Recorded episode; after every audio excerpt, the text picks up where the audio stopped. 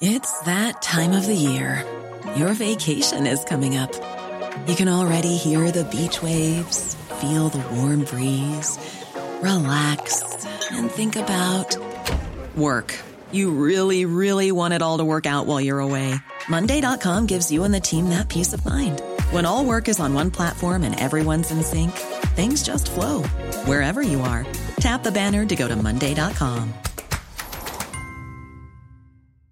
Quality sleep is essential. That's why the Sleep Number Smart Bed is designed for your ever evolving sleep needs. Need a bed that's firmer or softer on either side? Helps you sleep at a comfortable temperature? Sleep Number Smart Beds let you individualize your comfort so you sleep better together. JD Power ranks Sleep Number number 1 in customer satisfaction with mattresses purchased in-store. And now, save 50% on the Sleep Number limited edition Smart Bed for a limited time. For JD Power 2023 award information, visit jdpower.com/awards. Only at a Sleep Number store or sleepnumber.com.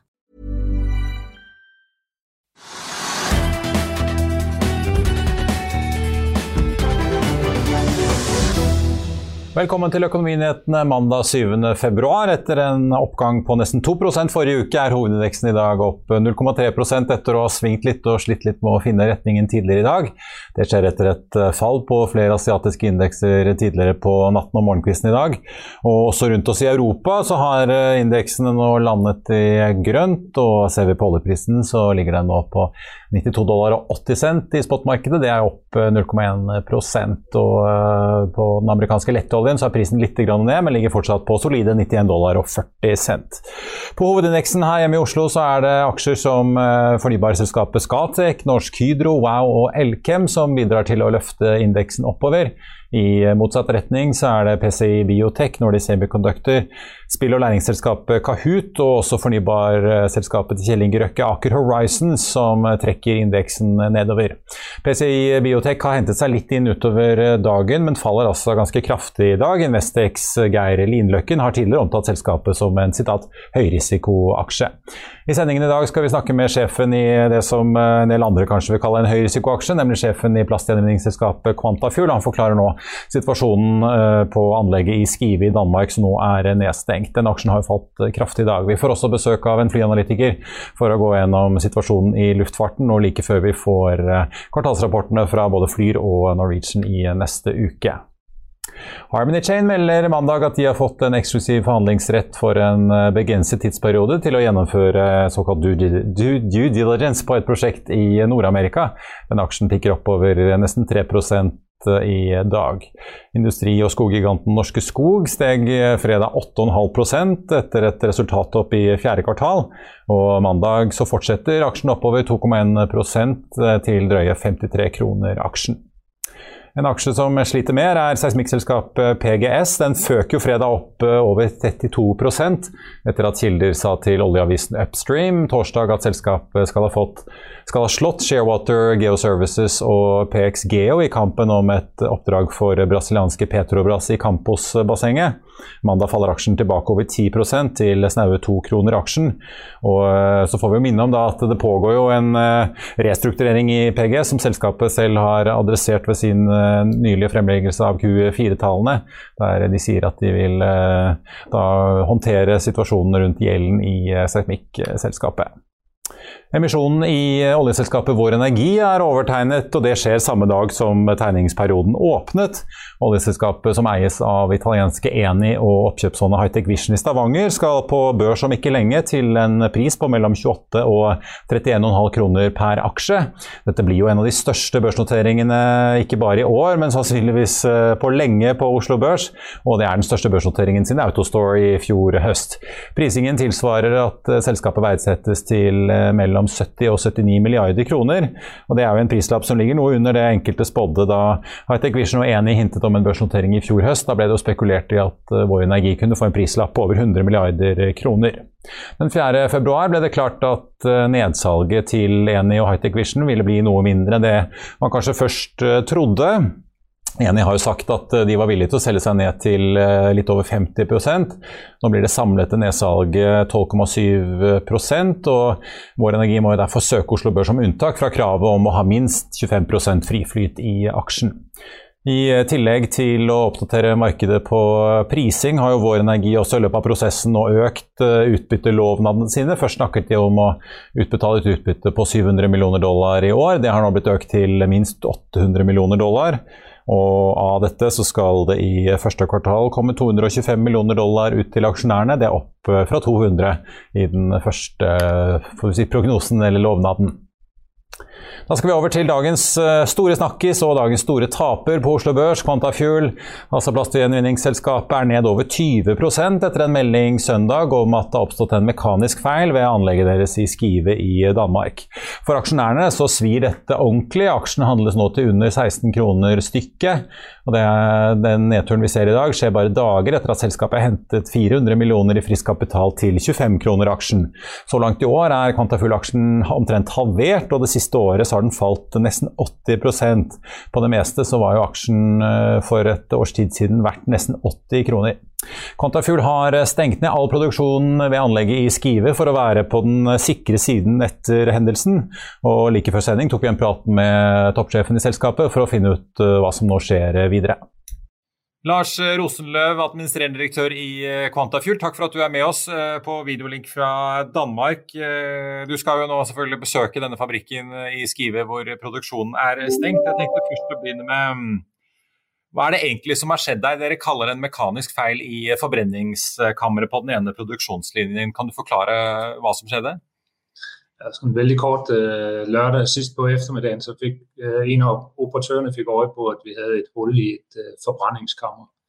Det er sådan, at man brænder gas, og så kommer der noget eksos, og den eksosen bruger man til at varme plastikken op inde i reaktoren. Øh, så der fik de øje på, at der var en, et indlæg, altså et hul ud til atmosfæren, så man kan få eksosgas og gas ud i fabrikshallen. Så øh, operatøren reagerede prompte og siger, at det her det kan vi ikke øh, leve med, og de kontrollert stængte anlægget ned, og det gjorde de så tilsvarende på den anden linje, som vi har haft i produktionen. Vi har haft to linjer i produktionen. Den senere tid var egentlig ganske fornøjet med fremdriften, og det at vi klarte at konvertere 200 øh, tons plastik over de sidste ukerne med relativt god opptid. Vet dere om dette er en, eh, hva skal man si, en tilfeldig feil eller en designfeil ved anlegget, eller hva det egentlig kommer av? Det er jo det vi skal undersøke nå. Det vi har ventet på siden, øh, siden vi fant feilen, er at anlegget skal køles ned. Og så øh, får vi access til det området i løpet av dagen i dag, regner vi med. Sånn at vi kan komme inn og få inspisert øh, og prøve å danne os et overblikk over om det er materialefejl eller om det er en designfeil, men også at forstå om det her det er et problem som er isolert til den ene reaktoren, eller om det er en mer generisk feil for alle, alle fire. Ja, så det, det, vet dere ikke ennå. Du, du, har jo hatt en, en call med investorer og analytikere i, i morges. Eh, aksjemarkedet har jo reagert veldig negativt på denne nyheten. Vet du noe om Nå sier du at du, dere kanskje får tilgang til anlegget i løpet av dagen. Vet dere noe om når dere vet mer og kan melde fra til markedet om hvor lenge denne produksjonsstansen skal vare, og hvor mye dette kan komme til å koste dere? Altså, vi kan starte med kosten. Altså, vi er ikke voldsomt bekymret for hvilke, hvilke si, investeringer der skal til å utbedre uh, denne problemstillingen. Et brannkammer, eller det vi ser, er egentlig sånn rimelig straightforward uh, teknologi, så det er ikke, det er ikke noe sånn bekymringsfullt rundt det i seg selv. Uh, det der er problemet, det er at det her det kan ta lidt langt, Øh, altså det kan tage noget tid at få fikset, og, øh, og så afhænger det jo lidt af omfanget. Øh, så det er jo det, vi må undersøge, før, før vi kan komme tilbage til markedet med, med en præcis melding på det. Dere har jo estimert at dere kan øke produksjonen til 12 000 tonn på skriveanlegget i løpet av året. Vet dere om dere fortsatt kan stå ved det målet? Ej, nu, får, nu får vi finde ud af, hvor lang tid det tager at, at udbedre den problemstilling, vi har. Og så øh, må vi komme tilbage til, om det betyder noget på, på guidingen for årets produktion. Øh, vi har en klar forventning om, at de to øh, linjer, som fremdeles ikke har været i produktion, men som er i gang med at blive opgraderet til samme gode standard som øh, de to linjer, vi nu har kørt med, øh, at, øh, at øh, de, øh, kan du sige, den tidsplan, vi har for dem, uafhængig af den problemstilling her, så kommer de til, til produktion uh, i anden kvartal som forventet. Så det er, ikke, det er ikke noget, det tager noget tid at få fikset det her, hvis vi skal lave nye brandkammer, men uh, jeg vil sige, det er ikke noget, der kommer til at ødelægge planen for de to andre linjer. Og sådan som vi har guidet de 12.000 ton, så er det jo, at vi har regnet med at have en linje i produktion i første kvartal, to linjer i anden kvartal, tre linjer i tredje og fire i fjerde.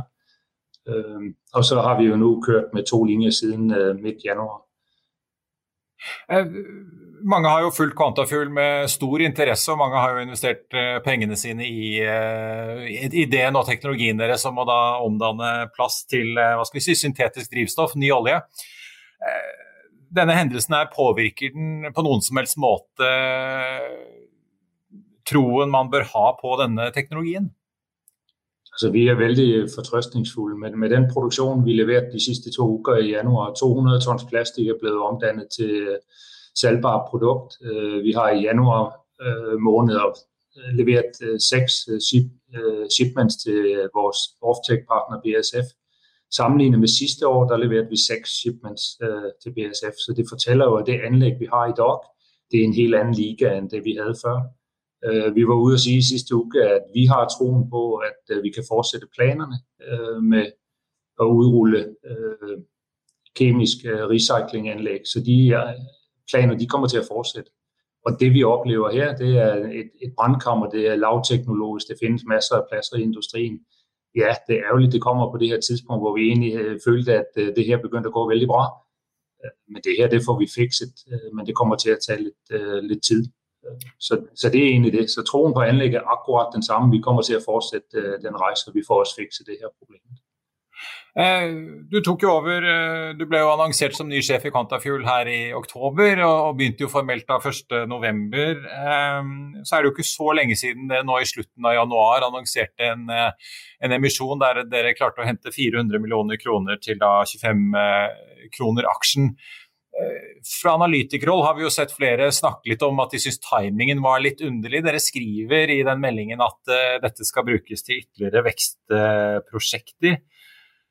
Kan du si litt om bakgrunnen for hvorfor dere måtte hente penger akkurat nå? Trenger dere tilførsel av, uh, av kapital på kort varsel? Ja, vi har uh, veldig gode prosjekter i, i pipelinen vår. Uh, så det, det, er jo punkt nummer ett. Og som vi skrev, så er user procedure primært til vores Esbjerg sorteringsanlegg som er en investering på 670 millioner kroner med en IRR på over 30 procent. Så en ganske god investering, hvor vi har en partner eller partner i, øh, i datarummet. Og det vi følte, det var, at vi var nødt til at sikre vores del af den finansiering, Sånn at vi kunne gå ind i den sidste forhandling med den partner. Så det er den primære grund. Og så er det jo sådan, at vi har en, en blackout-periode på 30 dage, før vi øh, lancerer vores øh, fjerde kvartalsresultat. Så derfor stod vi i en situation, at enten så måtte vi øh, gå øh, på det tidspunkt, vi gikk, altså den uken, eller også så måtte vi vente til mars. Og med de planer, vi har for Esbjerg-prosjektet, følte vi, at det ble lenger å vente. Ja, for selv om altså, det har vært et veldig urolig marked, ikke minst for mange teknologi- og vekstaksjer som jo Quantafuel er, øh, så var det ikke aktuelt å, å vente til mars, eller? Nej, det synes vi ikke, det var. Og som vi også lancerede sidste uge, så har vi indgået en væsentlig kontrakt på øh, sorteringsudstyret til anlægget i Esbjerg. Den indgik vi jo med Eggersmann, en, øh, en af de ledende øh, manufacturers inden for det område, i sidste uge. Øh, og vi er i uh, kaldte slutforhandling på de øh, konstruktionskontrakter, der skal til for at bygge fabrik. Og med en partner i, i datarum, så følte vi, at nu måtte vi øh, få orden på vores egen finansielle situation, så vi kunne fortsætte den rejsen. Eh, jeg må jo nesten spørre, når en emisjon skjer så kort tid før en så eh, dramatisk hendelse for Quantafull-aksjen som det vi har sett nå komme, eh, hadde dere noe som helst forvarsel om at det var noen problemer med anlegget i Skive, eller kom det helt overraskende på? Nei, det ville være helt håpløst å gå ut og reise penger hvis ikke vi hadde troen på Skive. Så vi er egentlig veldig fornøyd med den progresjonen der har vært i Skive. Og som jeg sagde, vi har konverteret 200 tons øh, plastik øh, de sidste to ugerne i januar. Vi har set en oppetid på 96 procent, øh, 69 procent øh, og en, en load på 79 procent. Så vi følte jo egentlig, at alting var i bedring. Det vi har slidt med i forhold til vores interne definition på proof concept, det er jo stabiliteten, og den stabiliteten har vi jo forbedret uke over uke. At den her problemstilling kommer nu, det var en overraskelse, må man sige, fordi brandkammer skal kunne holde til længere drifttid end det, vi har set, og det er jo også grunden til, at vi har taget konsekvensen og sagt, at hvis vi har det problem på en linje, så bør vi sikre, at vi har en, en sikker løsning, inden vi fortsætter herfra. Og det er vi nu i gang med at få undersøgt, og så kommer vi tilbage til markedet med mere information om det, lige så snart vi kan. Uh, til slutt så vil jeg gjerne høre litt om uh, Dere har jo uh, på en måte mer, mer, i gang. Du var jo litt inne på det, dette anlegget i Skive, hvor dere da driver med kjemisk gjenvinning av plast. Dere har jo et anlegg i Kristiansund i Norge og planlegger jo da dette nye anlegget også i Danmark. Men der skjønner jeg at det er snakk om mekanisk gjenvinning av plast. Kan du forklare litt strategien som ligger bak å satse på på det som virker som to forskjellige teknologier? Er det fordi at man ønsker å ta ned risiko? Er det fordi at dere trenger det for å få eh, nok markedstilgang for å ha et mer komplett konsept, eller hva ligger bak her? Først så må jeg korrigere. Det, det anlegget i Esbjerg det er et sorteringsanlegg. Jeg har sett at der i media har vært spekulert i det mekanisk resirkuleringsanlegg. Det er det er et sorteringsanlegg, så det vi tar inn, det er wasteplast, og så kommer der det vi kaller monofraksjoner ut. Og de her monofraksjoner de er veldig velegnet til både kemisk resirkulering og mekanisk resirkulering. Så øh, produktet vi leverer ut fra det Esbjerg-anlegg, det vil kunne gå til vores skiveanlegg, eller senere til et kemisk resirkuleringsanlegg, som er en fase 2 i Esbjerg. Og så kan noen av de fraksjoner de kan bli solgt til øh, de som resirkulerer mekanisk. Mm. I forhold til det strategiske bildet, så er det egentlig spot on. For det vi har sagt, er at vi har forskellige approach i forskellige uh, områder. I Skandinavia der ser vi stor brug av plast, men lite uh, sortering og recirkulering. Det meste av plasten blir enten eksportert eller incinerert, altså forbrændt. Så der er der et marked for både mekanisk recirkulering, som vi har i Kristiansund, og kemisk recirkulering, som vi nu arbejder med i Skive, og senere i Esbjerg. Øh, sortering har vi sagt, det vil vi gå inn i for å få øh, både en bedre forståelse av markedet, men veldig selektivt. Og her det projektet i Danmark, som jeg sa, det er en ganske god finansiell investering. Øh, det giver oss noe oppstrøms forståelse, det giver oss en mulighet for å lære det markedet endnu bedre å kjenne. Jeg er meget mer bekymret for sourcing av plast inn til vores anlæg, end jeg er for å få offtake på vores produktside. Så det å engagere seg i værdikæden og være en, en der både trader og behandler, giver os jo en unik øh, indsyn i, hvordan de her ting fungerer. Øh, på den måde så tror jeg også, at vi får en konkurrencefordel, når, når det marked vil være i forandring. Vi ser jo politikerne, de blander sig op med, med større recirkuleringsforventninger til, til nationerne, og det kommer jo til at påvirke, hvordan en del af de her waste streams de ændrer sig. Tilsvarende gælder CO2-afgifter og andet. Så vi tror, at Wastestream-markedet vil være i bevægelse, og det at være en, en aktør i det markedet er den bedste måde at få insight og sikre, at man kan få den rigtige prisen på de rigtige produktstrømme. Ja, så det er helt ja. i vores strategi. Ja, fordi at dere kunne jo i teorien brukt alle ressursene på den kjemiske eh, teknologien deres alene, men dere mener at det å bruke og satse på både den kjemiske og mekaniske gir et, eh, hva skal man si, et bedre grep på markedet fremover? Det er det, vi gør i nord, og så længere nede i sør, der har man veletablerte sorterings- og mekaniske recirkuleringsværdikæder. Så der går vi ikke i head-to-head -head med de firmaer, men vi går i strategisk partnerskab for at tilbyde kemisk recirkulering som en, øh, et øh, supplement til den øh, mekaniske recirkulering, som allerede foregår. Og det er den eneste måde, vi kan få nok recirkuleringsrate på, på plasten på i fremtiden. Og derfor mener vi, at Quantafuel er et godt alternativ. Øh, til å få hvad skal man sige, recirkuleringsgraden opp i, i verden. Lars Rosenløv, administrerende direktør i Quantafuel, takk for at du var med oss. og Så skal vi følge nøye med på arbeidet videre. Så får vi si lykke til eh, med å få produksjonen i gang igjen. Takk skal du ha. Det her kommer til å gå bra. Og Quantafuel-aksjen er nå ned 24,7 eh, til 15 kroner og 40 øre, så dermed har fallet tiltatt litt til utover ettermiddagen. Ready to pop the question? The jewelers at BlueNile.com have got sparkle down to a science with beautiful lab grown diamonds worthy of your most brilliant moments. Their lab grown diamonds are independently graded and guaranteed identical to natural diamonds, and they're ready to ship to your door. Go to Bluenile.com and use promo code LISTEN to get $50 off your purchase of $500 or more. That's code LISTEN at Bluenile.com for $50 off. Bluenile.com code LISTEN. I'll see you in court. Vi sier det ofte litt på spøk, men for deg som driver business, er det aldri moro å innse at du ikke har laget en 100% gyldig kontrakt. Du bør ikke risikere hele firmaet ditt fordi du synes dette med kontrakter er litt stress. En avtale er ikke en avtale. Du kan miste kunder, miste venner, ja, til og med miste inntekter om du ikke lager en skikkelig kontrakt, på alt mulig, egentlig. Men vi vet det er et styr, kopimaskiner, tregprinter og haugevis av papir. Dessuten stoler vi jo på folk her i landet. Det er ofte litt kleint å skulle be om en signatur for alt mulig, ja, for mye av styret handler også om jakten på underskriften. Det finnes en enkel måte å løse dette på, Dukkobit, en trygg, effektiv og get this, gratis måte å sikre seg en god natts søvn pluss en juridisk bindende avtale.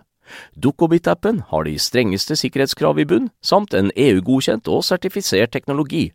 Framover vil det bli behagelig å spørre du, skal vi skrive under på det, eller? Kom i gang på dukkobit.no. Før vi går videre i sendingen, husk at du også kan se sendingene våre ved å gå inn på fano-tv, og at vi også har andre podkaster enn bare Økonominyhetene, som Morgenkaffen, Gründerpodkasten Veien hit, Ukens vintips, Kunstpraten og bilpodkasten Mil etter mil. De finner du ved å søke Finansavisen, der du hører på podkast.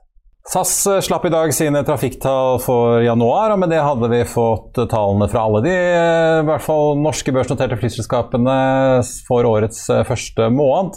Og For å se på det og varme opp til Flyr og Norwegians regnskaper neste uke, så har vi fått besøk av flyanalytiker og konsulent Hans Jørgen Elnes i Winair. Velkommen til oss. Takk skal du ha. Ja, hva skal vi si da? Det er jo, januar er jo vanligvis en ganske sånn eh, skranten måned i bransjen, i hvert fall i Europa, hvor det er relativt eh, stille og rolig. SAS fraktet eh, 724 000 eh, passasjerer. Det er jo ikke så lenge siden vi så at de fraktet over en million. Nei da, eh, SAS-tallet kom inn som forventet eh, ganske lavt. Altså, men, men, hvis vi ser opp mot hva SAS transporterte i desember, så er ikke fallet i underkant av 200 000. Ja. Så det er ikke så ille tatt i betraktning eh, situasjonen. Så jeg synes SAS leverte brukbart, eh, tatt alt i betraktning. Uh, vi skal straks sammenligne litt med de andre, men hvis vi ser bare litt først mer på da, SAS De har en fyllingsgrad som i snitt er på litt over 47% På godt norsk halvfulle fly. Er det godt nok? Nei, det er ikke godt nok.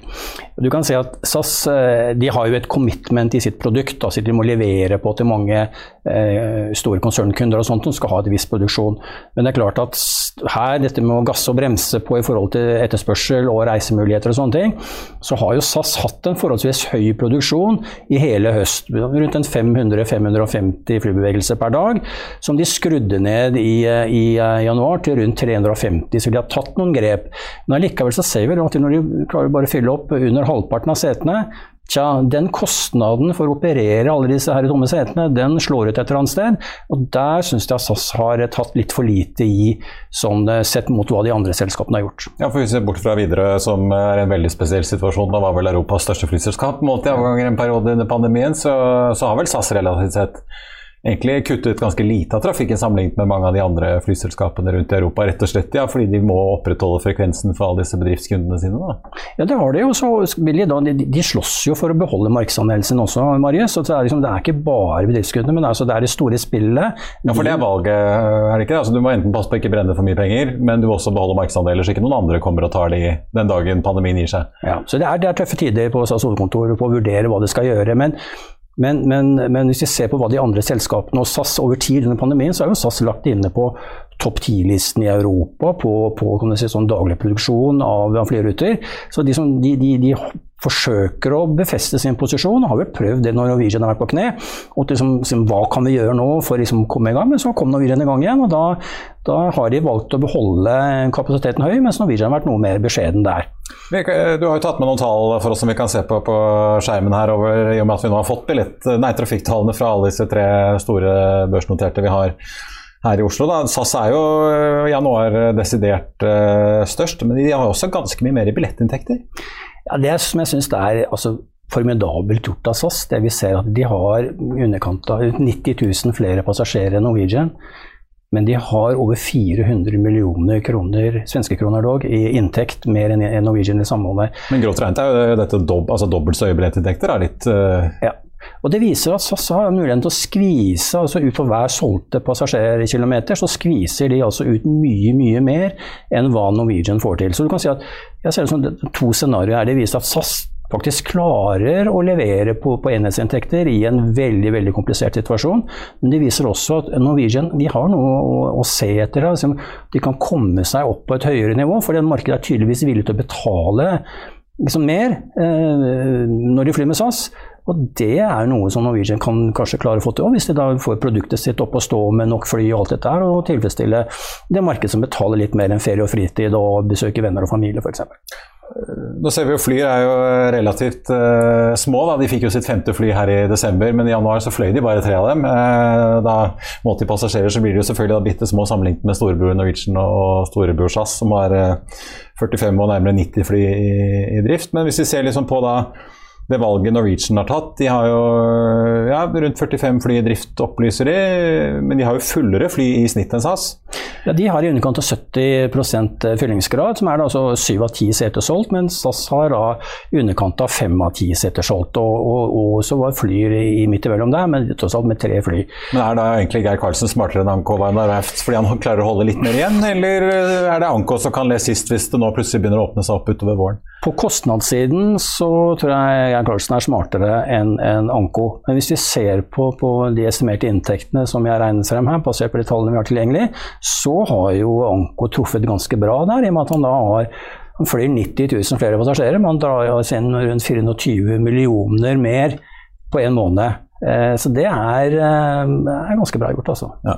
Og flyr, selv om de skal ha nærme seg 20 fly i løpet av året, så er de fortsatt små. De hadde rundt 12,5 millioner inntekter i januar. og Det er jo forferdelige tall for, eh, for flyer å, å, se. Men altså nå, nå fløy de med tre fly. Eh, de har bestemt seg for å kutte kostnadene, holder de så lave som mulig. Nå har jo Flyr det vi kaller sånne power by the hour-avtaler. Ja, Både de og Norwegian i motsetning til SAS har jo det. Ja. Ja, ja, så det betyr at uh, Når de tar ut flyer av tjeneste og setter de på bakken, så, slipper, så betaler ikke leasingleie til leasingselskapet for det. Uh, og Det har Flyr på alle de maskinene de har fått levert uh, i, i, i fjor. Og de nye maksene som kommer nå, de har andre avtaler. Så, så da gjør de det grepet. Ok, de vet de får dårlige inntekter, men de også holder kostnadene så lave som mulig, slik at de ikke bruker De har jo hatt et cashburn Marius, på rundt 50 millioner i måneden. Og det, det, må de prøve å moderere seg nå, til at man, markedet begynner å ta av på etterspørselen her i, ut i, i, februar og innover mot sommeren, hvor det kan bli, ser ut som det kan bli veldig bra. Ja, så får vi se hvor lenge Fly klarer å sitte på de 250 millionene de hentet fra aksjonærene for ikke så lenge siden. Eh, du har med litt eh, tall som eh, Avinor og offentlig hver uke statistikk. Eh, og Det er jo litt interessant å se hvor vi da egentlig ligger an. Nå vi, hvis vi sitter på grafen her, så har vi, vi har liksom 2019, 20 og 21, og så en sånn bitte liten strek for 22 så da ser vi hvordan vi har startet så langt i år. Rundt en halvering av trafikken så langt da, sammenlignet med 2019. Men ser vi da på slutten av 21, så var det ganske godt over det verste året 2020. Ja da, og, og start... Før omikron kom da, og ødela hele festen? Ja, ja da, men altså, starten på, på, på 2022 er, er, betydelig bedre enn det det var i, i, i fjor. Mm.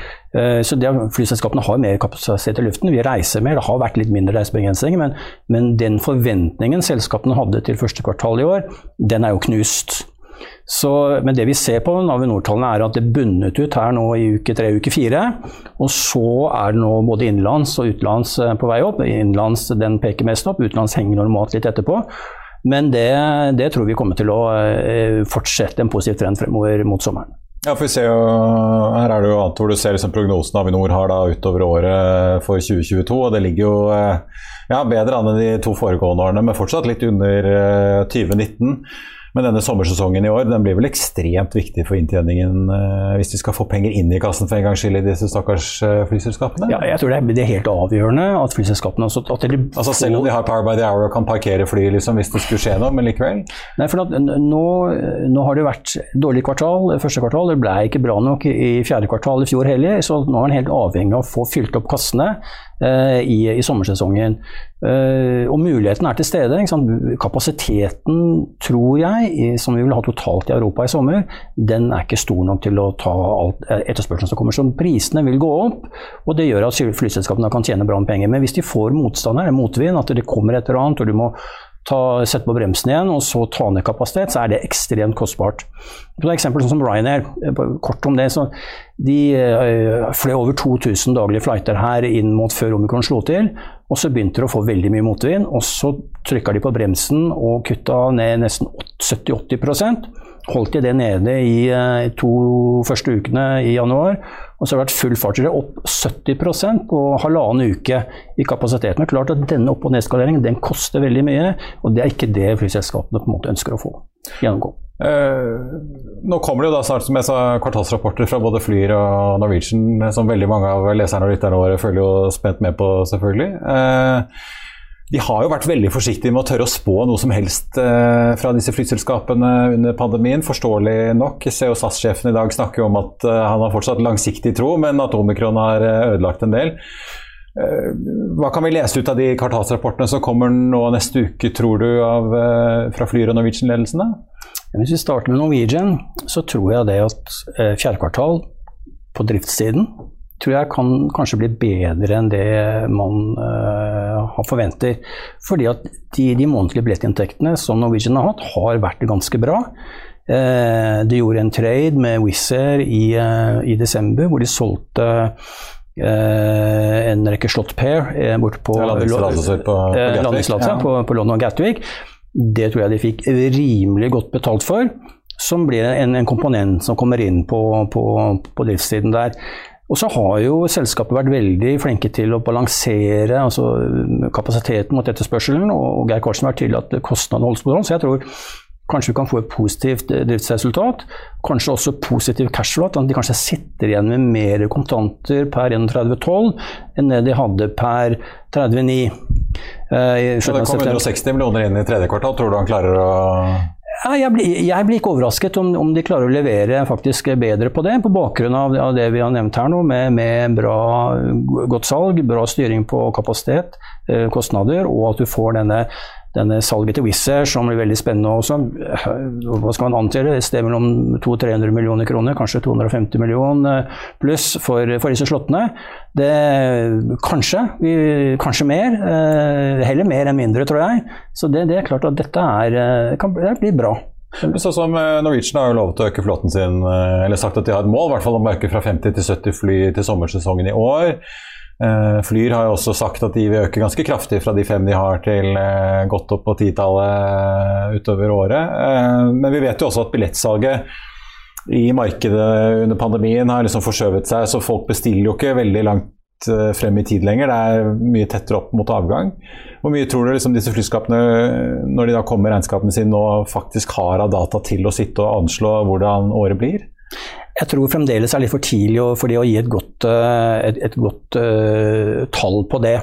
Uh, fordi fremdeles, og det ser vi også ut på de store selskapene i Europa, så er den lead time, altså den tiden man bestiller billett før man skal reise, den er fremdeles veldig kort. Og man tror ikke at det endrer seg kanskje før ut i, ut i slutten av, av, Q1, og at i april, hvor man virkelig kan se at man begynner å virkelig eh, gønne på for å bestille sommerferien sin. Kanskje noe før, hvis, hvis Europa åpner og ikke det blir noe problem her. Så jeg, jeg tror jeg tror de kommer til å guide bra inn mot sommeren. Jeg tror de ser nå, alle, alle, både charter og flyselskaper har meldt i Damas at det har vært en eksplosjon i bestillinger og sånn.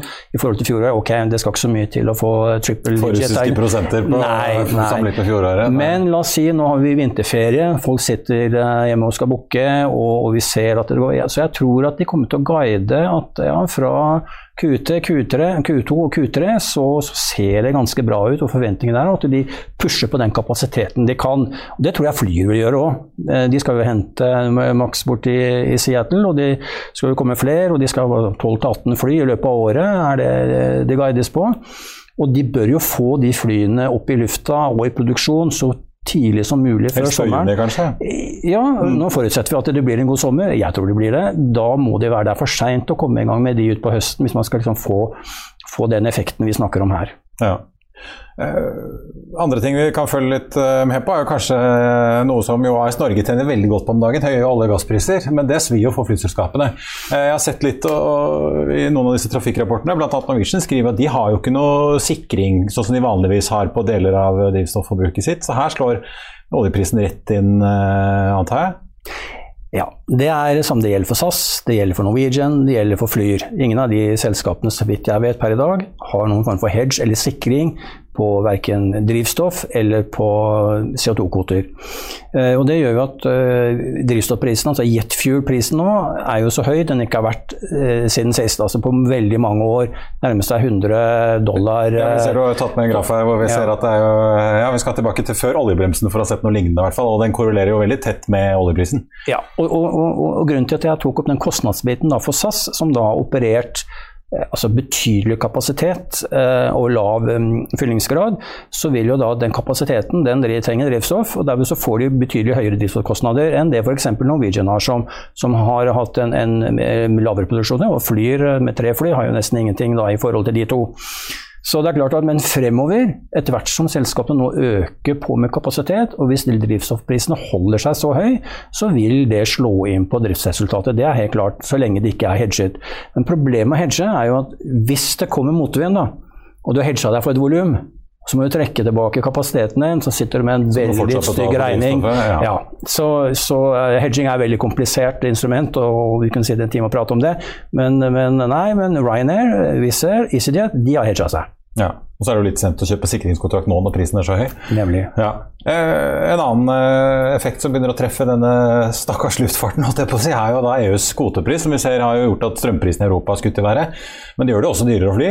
Eh, på høyre side her så ser vi jo kvoteprisen i eh, Europa i futures-markedet. Den begynner jo å nærme seg 100 euro tonnet. Ja. Eh, det er ikke lenge siden at det var et par hundre kroner for å slippe ut et tonn i EU. Nå begynner det å nærme seg tusenlappen. og Her hjemme spyr jo norske myndigheter på en, en prislapp til med den norske CO2-avgiften. Men likevel, altså hele bransjen i Europa rammes jo av den europeiske kvoteprisen. Det er klart det gjør det. Og, og denne komponenten den har vi ikke sett så veldig mye i, i, i regnskapene til flyselskapene ennå. På hva er det den faktisk koster de. Men det vil vi kanskje se nå? Det tror jeg vi kommer til å se. Og, og det, det, det, jeg vet, er at uh, Ryanair, som er veldig fokusert på forutsigbare kostnadselementer, så de kan se flere år frem i tid og, og planlegge veldig på det, de har hedget seg på CO2-utslipp. Eh, så de sikrer seg der, og det tror jeg man andre flyselskaper skal se nøye på. Hva er det Ryanair har gjort for noe smart der? Fordi at, sånn som du sier, vi kan forvente at den kostnaden kommer til å øke betydelig, og noen må plukke opp regninga. Altså, det blir dyrere flybilletter på bakgrunn av det, og det blir enda dyrere hvis ikke selskapet sikrer seg. Så igjen så vil det være sånn at de flyselskapene som har den laveste kostnadsbasen i utgangspunktet, vil kunne takle dette bedre, selv om det blir dyrt for de òg. Så de da som har en høyere kostnadsbase, så vil du ha slite med å konkurrere reagere på pris når det elementet er viktig. Hvis ikke du har godt betalende oljearbeidere som flyr, eh, nei, flyr nei. uansett hva det koster, omtrent? Nei, men så SAS, sagt, ja. Ja, men så, så SAS viser altså styrke i en, en, veldig vanskelig tid. At de klarer faktisk å ta ut så gode enhetsinntekter som, som de gjør. og Det, det skal han ha tommelen opp for, Anko og teamet bort til Stockholm og rundt omkring. at de klarer det. Men, men det er klart de slår på de også. Ja, Hans forgjenger Rikard Gustavsson begynte å snakke om eh, klimautslipp lenge før eh, både kvoteprisen skjøt i været og omikron begynte å spre seg. Så han så kanskje noe komme. Så du kan si at En av grunnene til at man også bytter eh, til nye fly, og det er viktig for, for, Norwegian, for SAS, for Flyr og de andre å få moderne, altså moderne fly, altså med ny, spesielt med nye motorer som har betydelig lavere utslipp. Det er jo en viktig komponent i denne her, at de slipper ut mindre CO2, og så bruker de mindre drivstoff. Så da, liksom, da er du veldig godt inne på de to tunge kostnadsdriverne som vi kommer til å se fremover, altså jetfuel og CO2. På tampen må vi innom et annet uh, norsk uh, selskap, Norse Atlantic, som jo uh, vil gjenoppta arven etter Bjørn Kjos sin drøm om å fly store Boeing Dreamliner over Atlanteren med billetter til en relativt billig penge. Nå fikk vi plutselig melding her i forrige uke om at islandske Play vil begynne å fly til Gøteborg og Trondheim, og via da Island over til USA, og ikke bare virksomhets flyplass i USA. De vil fly til Stuart, som er den samme New York-flyplassen som Norse Atlantic etter planen da skal begynne å fly til utover mot uh, sommeren i år. Er det litt sånn uh, stikk i øyet til uh, Larsen og co. i Norse Atlantic, som nå prøver å stable på bena en lang, langdistansesatsing? Ja, altså jeg tror Play og Play-ledelsen de er, de er jo en, en, fornyelse av Wow, som kanskje noen husker fra, fra noen år tilbake, som gikk over styr. Eh, og det er klart, De må ha flere markeder å stå på. De skal fly fra Stavanger, de skal fly fra Trondheim, de skal fly fra Göteborg. Litt, litt sekundærdestinasjoner, ikke fra Oslo. Der er det norsk, så der, der blander seg ikke. Men det, det Playled sier, de skal være blant topp tre laveste pris over Nord-Atlanteren mellom Europa og USA. og Derfor så flyr de på denne Stuart-flyplassen som ligger sånn upstate uh, i, i, New York, hvor det er ca. 75 minutter med buss inn. Og Dit skal jo også Norse fly, og disse, den flyplassen det blir som Rygge og i og, og Torp. De kan tilby også priser og, operere på flyplassen som er veldig attraktive. Og ikke minst, de kan, disse flyselskapene kan lande når de vil. Så det er ikke noen slått-problematikk. altså Lavgang og landing. det er på, motsatt, på, New York og JFK er helt umulig. og Man kan kanskje fly parkert i lang tid. Her kan du få maksimalisere det. Så jeg tror at Stuart kan utvikles til å bli noen der low cost-senter for, for eh, staten eh, New York. Men er det litt surt for Norse? Altså, de kunne jo plukket opp trøndere og rogalendinger via Oslo og konkurrert med SAS på pris. Nå må de kanskje konkurrere med noen litt irriterende islendinger som, eh, som forsyner seg av passasjerer på, på, hjemmebane? Jeg tror det går greit. De skal fly et par dager i uka fra disse destinasjonene. Og, og så får vi jo se. Kanskje Bjørn Tore Larsen og i Norsk har en plan. Må, må lage en feederavtale med noe, et eller annet eh, norsk-skandinavisk eh, selskap, hvem vet, på det. Og, og, i første gang så tror jeg nok de satser på opptaksområder på Østlandet og fly point to point, altså at, fra, fra, A til B uten å ha for mer komplisert. Og, og, men de må levere på pris. Og jeg har en følelse av at vi kommer til å se priser med Norse som vi aldri har sett. Vi har aldri sett så attraktive priser over Nord-Atlanteren noen gang. Jeg, jeg, tror han må levere på det. Aller billigste prisene der. Jeg skal ikke si det live her nå, jeg tror det blir, men jeg tror det blir rasende billig. Så se, det blir interessant. Vi får se hva Bjørn Tore Larsen klarer å levere. Billettsalget skal jo da etter planen starte i slutten av mars med første flyvning eh, innen utgangen av juni. Eh, det siste jeg tenkte veldig kort innom, eh, rett før vi gikk på luften her, så kom det melding fra, fra nyhetsbyråene om at uh, altså, lavprisselskapet Frontier vil kjøpe Spirit i USA for 2,9 milliarder dollar. Det har jo vært mye snakk om hva som skjer med denne bransjen etter pandemien. I Europa har det jo vært mange liksom, litt sånn rigide strukturer som ikke ser ut til å ende i noe særlig konsolidering, sånn som vi har sett i USA. Eh, hva er det som skjer borti USA, egentlig? Da? Er det lavprisaktørene som samler seg? Jeg tror at det, det, du sier der, det er veldig riktig. Altså, uh, Frontier og Spirit altså Frontier de er jo eid av et selskap som heter Indigo Partners, som uh, bl.a. også eier Wizz Air, hovedaksjonæren der. Og Bill Franke, som er uh, nestor der, en over 80 år gammel taikon som er veldig flink med luftfart, han ser nok det store bildet. Uh, og de ser at du må bli stor for å kunne konkurrere da mot, uh, mot Southwest, uh, JetBlue og, og, og, sånne ting. Derfor så slår disse to selskapene som det er Legent Air. Og det, Konsolideringen i USA har jo pågått på det vi kaller nettverksselskaper. Så har du jo nå du har jo American Delta United, det er de tre store. Det, ikke, det, det, blir ikke noe mer konsolidering mellom de. Nå er det da lavprisselskapene, som det er en del av USA. Nå gjør de det samme. Det kan jo også skje her i Europa. Eh, på, jeg tror jo at Wizz var på hugget på å legge ned bud på EasyJet i fjor. Ingen bekreftelse på det, men alle mener at det var de det sa et nei takk til. Så man kan si at det er en prosess på gang der på, på liksom at the bigger, the better. Og, og IAG prøvde seg jo på Norwegian før korona. Ja, ja, ja, og jeg tror ikke vi er ferdig med liksom å se på, på, Skandinavia som et attraktivt marked for, for, aktører ute, både flyselskap og finansielle aktører, å se på her, for det er, det er et veldig spennende marked, og her har det ikke skjedd så mye. Så dette blir interessant å følge, Marius. Nå kommer i hvert fall da regnskapene fra Norse 2.3. Flyr kommer 17.2. Eh, Norwegian dagen etter den 18., og SAS da 1.3. Så skal vi følge med. Hans Jørgen Elles i Winner, takk for at du var med oss. Da skal vi ta med at oljeservicekonsernet Aksjelutions melder at de kjøper det norske ingeniørfirmaet Unitech Power, som driver med arbeid innenfor elektriske systemer. Den aksjen er ned 0,3 i dag, og det ser ikke foreløpig ut til at vi har fått noen kursreaksjon på uh, meldingen om oppkjøpet. Og så eh, får vi ta med at hovedindeksen på Oslo Børs nå er opp 0,4% 1197 poeng. og Dermed ser det ut til at eh, den oppgangen vi har sett eh, sette seg litt utover dagen, ser ut til å holde da ut, ut børsdagen foreløpig. Oljeprisen Ligger nå svakt opp 0,3% til 93 dollar fatet for et fat nordsjøolje i eh, spotmarkedet. Quantafuel fortsatt eh, på bunnlisten i dag. Aksjen er ned 24,2 Seismikkselskapet PGS er heller ikke noe særlig bedre stilt i dag, ned 10,5% Så ser vi at eh, Norske Skog ligger fortsatt opp da 2,9% etter den solide oppturen på fredag. I Finansavisen i morgen kan du lese Trygve Egnars leder om det han kaller kvinnemas etter utnevnelsen av Jens Stoltenberg som ny sentralbanksjef. Du kan lese om Fredrik Halvorsen og Odd Jonny Winge som har kjøpt seg opp i Pexip. Og du kan lese om NAF som kjøper seg inn i en app eh, for å låne, ut, låne bort bilen.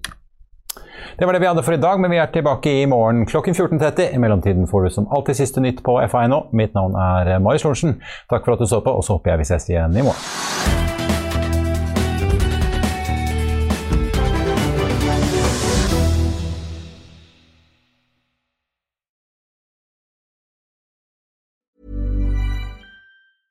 Planning for your next trip?